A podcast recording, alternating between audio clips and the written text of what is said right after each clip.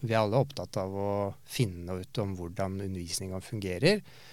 Og da videreutvikle det til å, å gjøre forskning på det, syns jeg er utrolig morsomt og spennende. Og jeg tror mange vil oppleve det samme hvis man forsøker, da. Det sa Per Leivås, han er førstelektor på uh, avdeling for uh, økonomi, innovasjon og teknologi på Høgskolen Kristiania. Og mitt navn er Arne Krumsvik.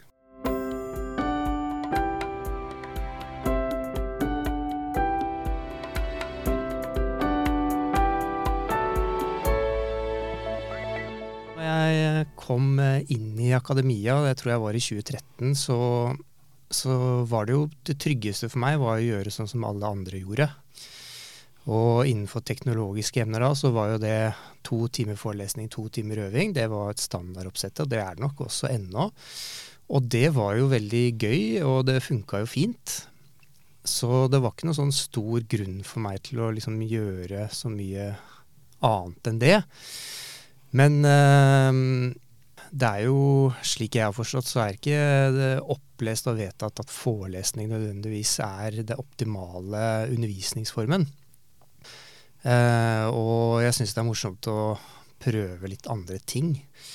Eh, så mye av det jeg har gjort, er vel egentlig forsøk på å gå bort fra det.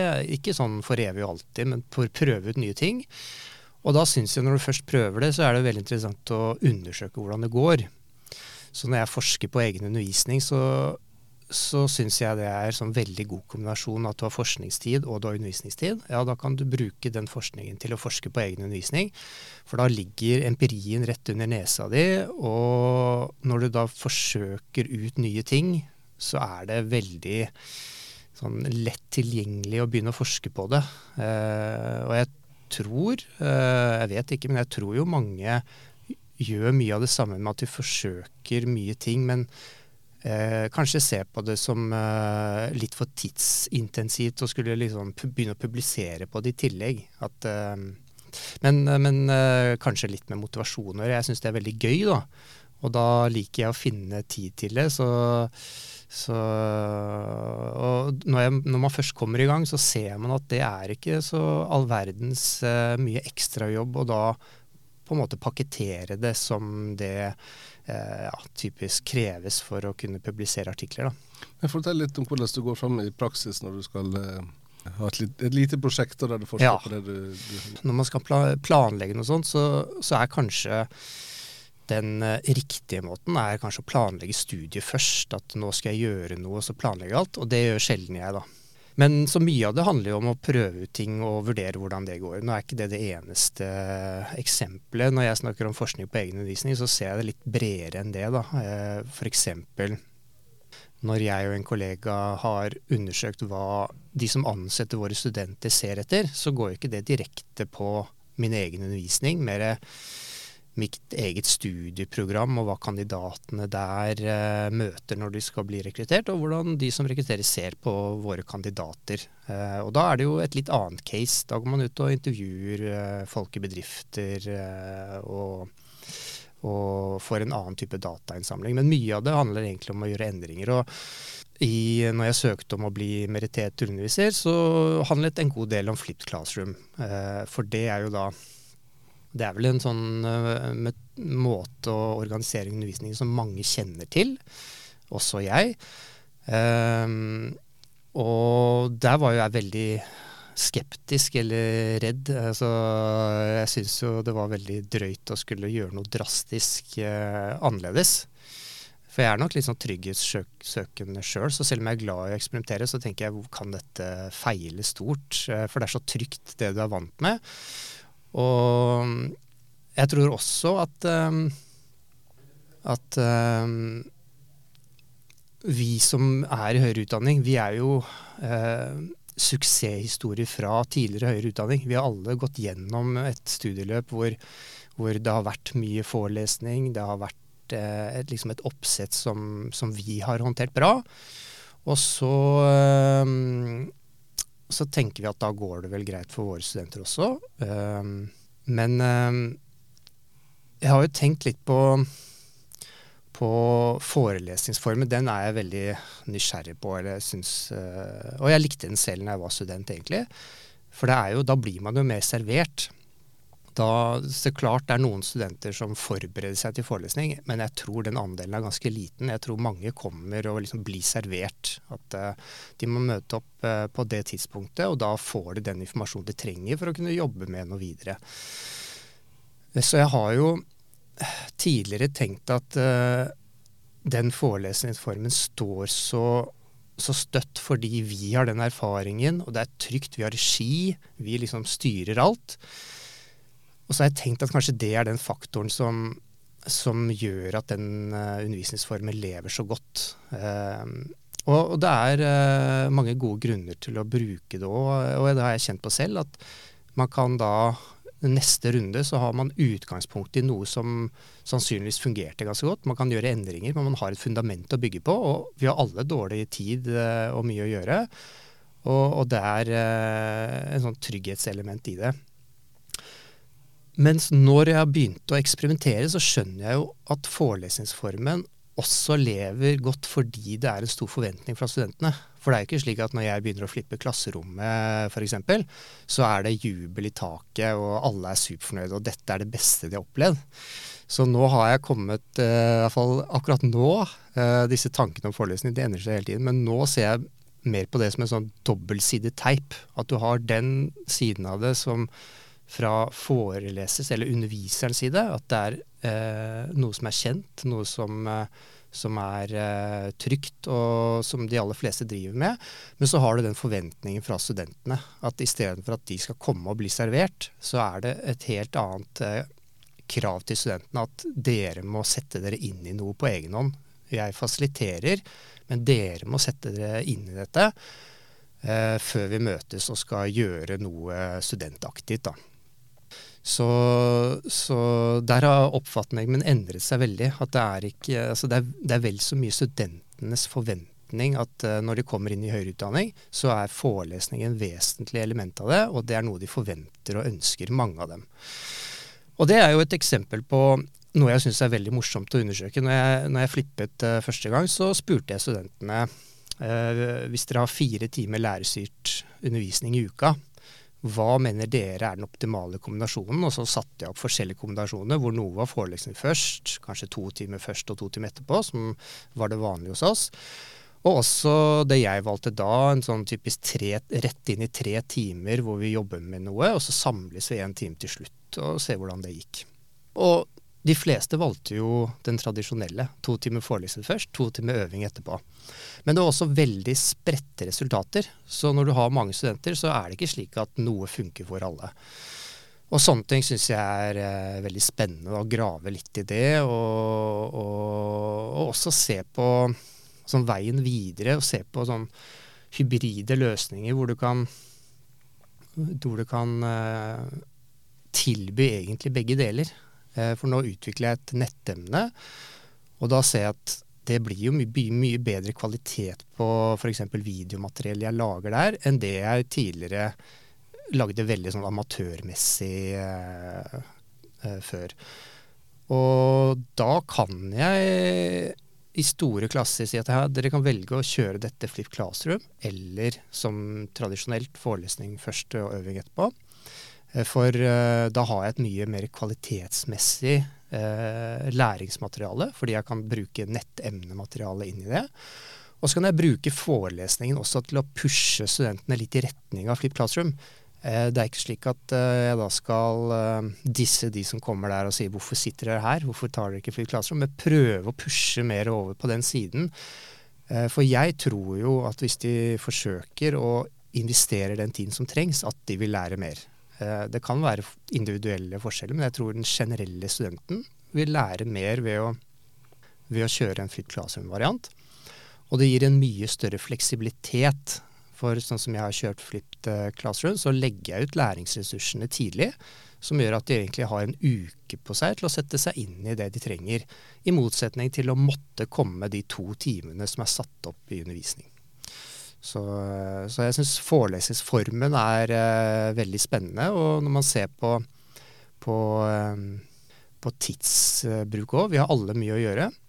det var en sykt snodig opplevelse å komme inn i den første flippa-sesjonen jeg hadde.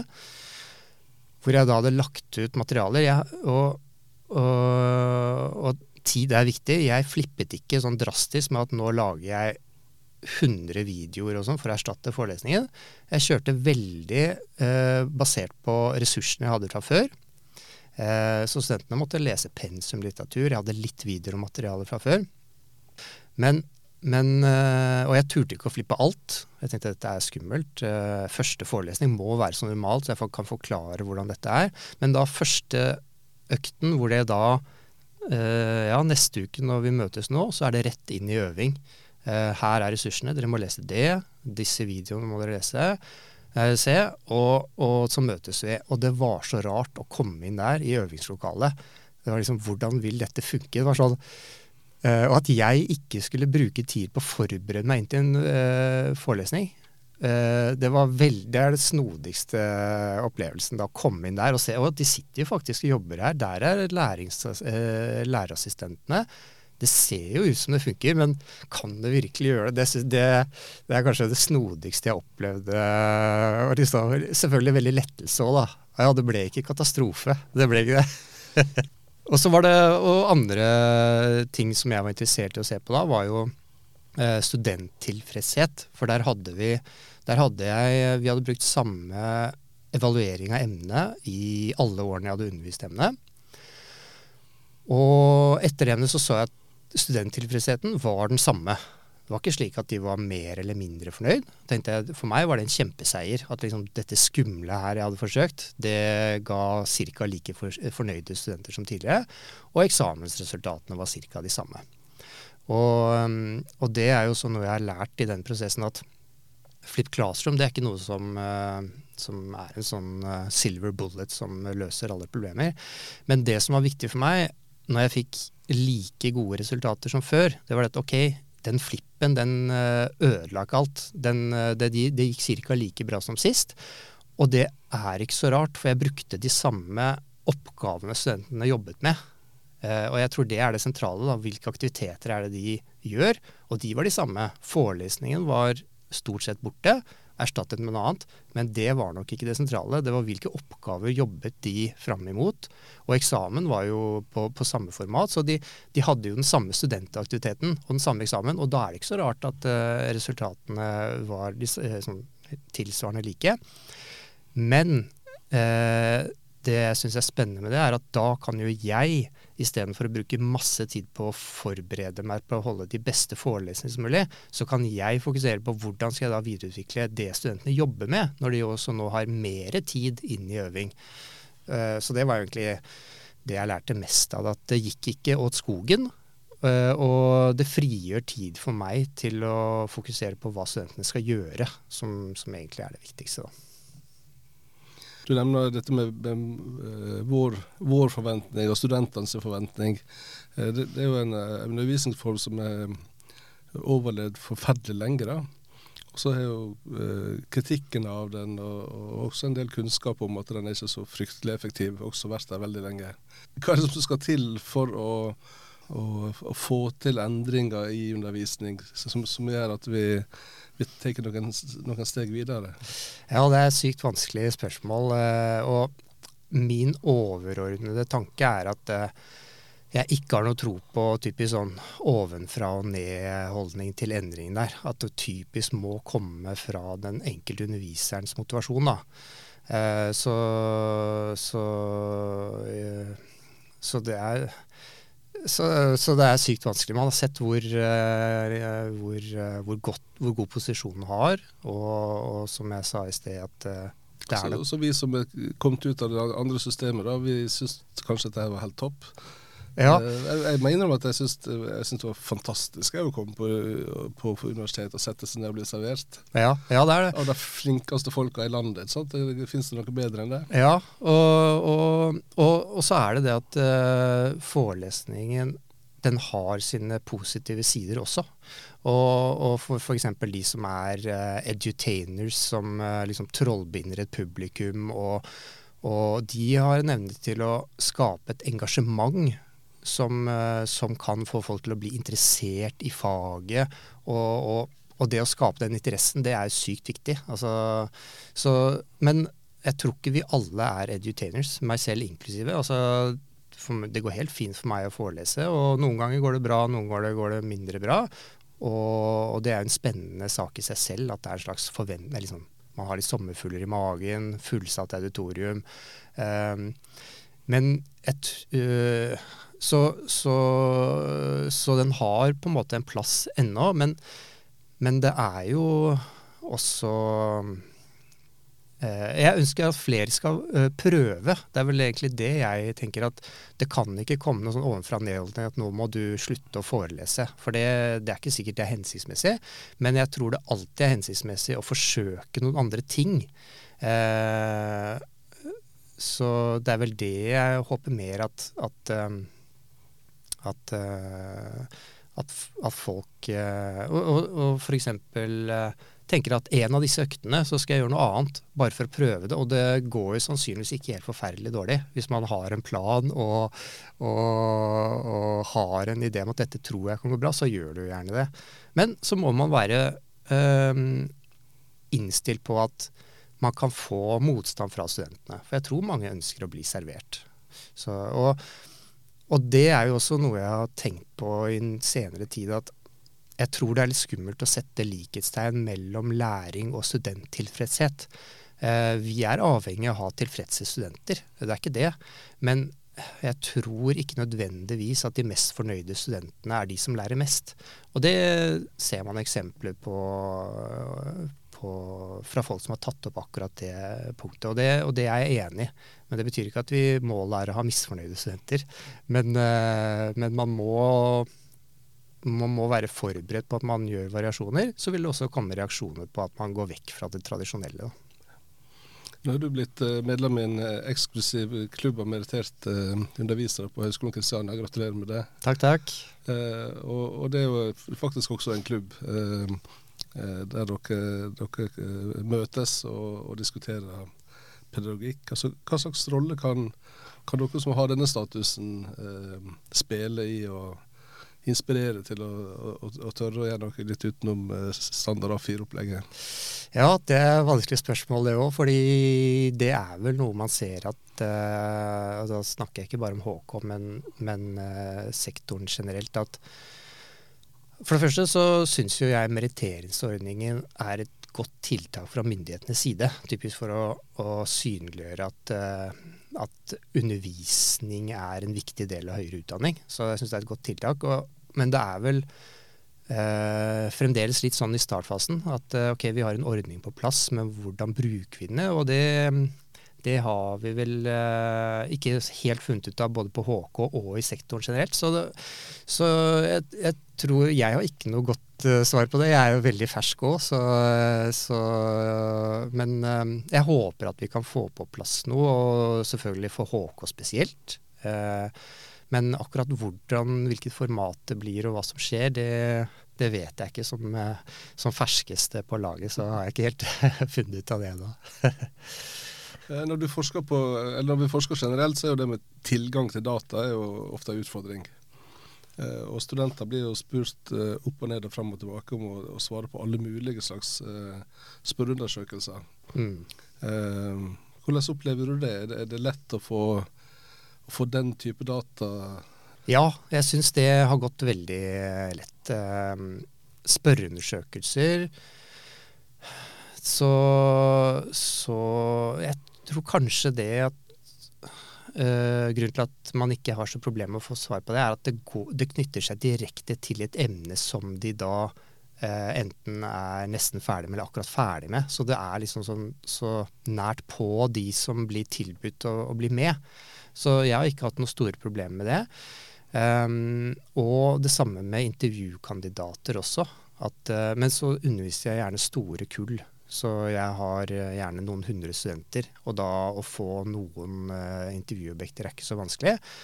Men selvfølgelig så får du gjerne tak i de som er uh, litt ekstra engasjert, og kanskje de som har likt endringene som har vært gjort. Så det er selvfølgelig sånn forskningsutfordring med det. Men, men um, det er jo ikke det at det stopper deg å få dataene, det betyr bare at man må beskrive det litt i artiklene man skriver. At utvalget, særlig på, på intervjuobjekter, er jo sannsynligvis ikke den gjennomsnittlige student, men mer den mer engasjerte. Men, så jeg har aldri hatt noen utfordringer med det. Og, og det samme på når jeg har vært og intervjua bedrifter. De møter vi jo gjerne f.eks.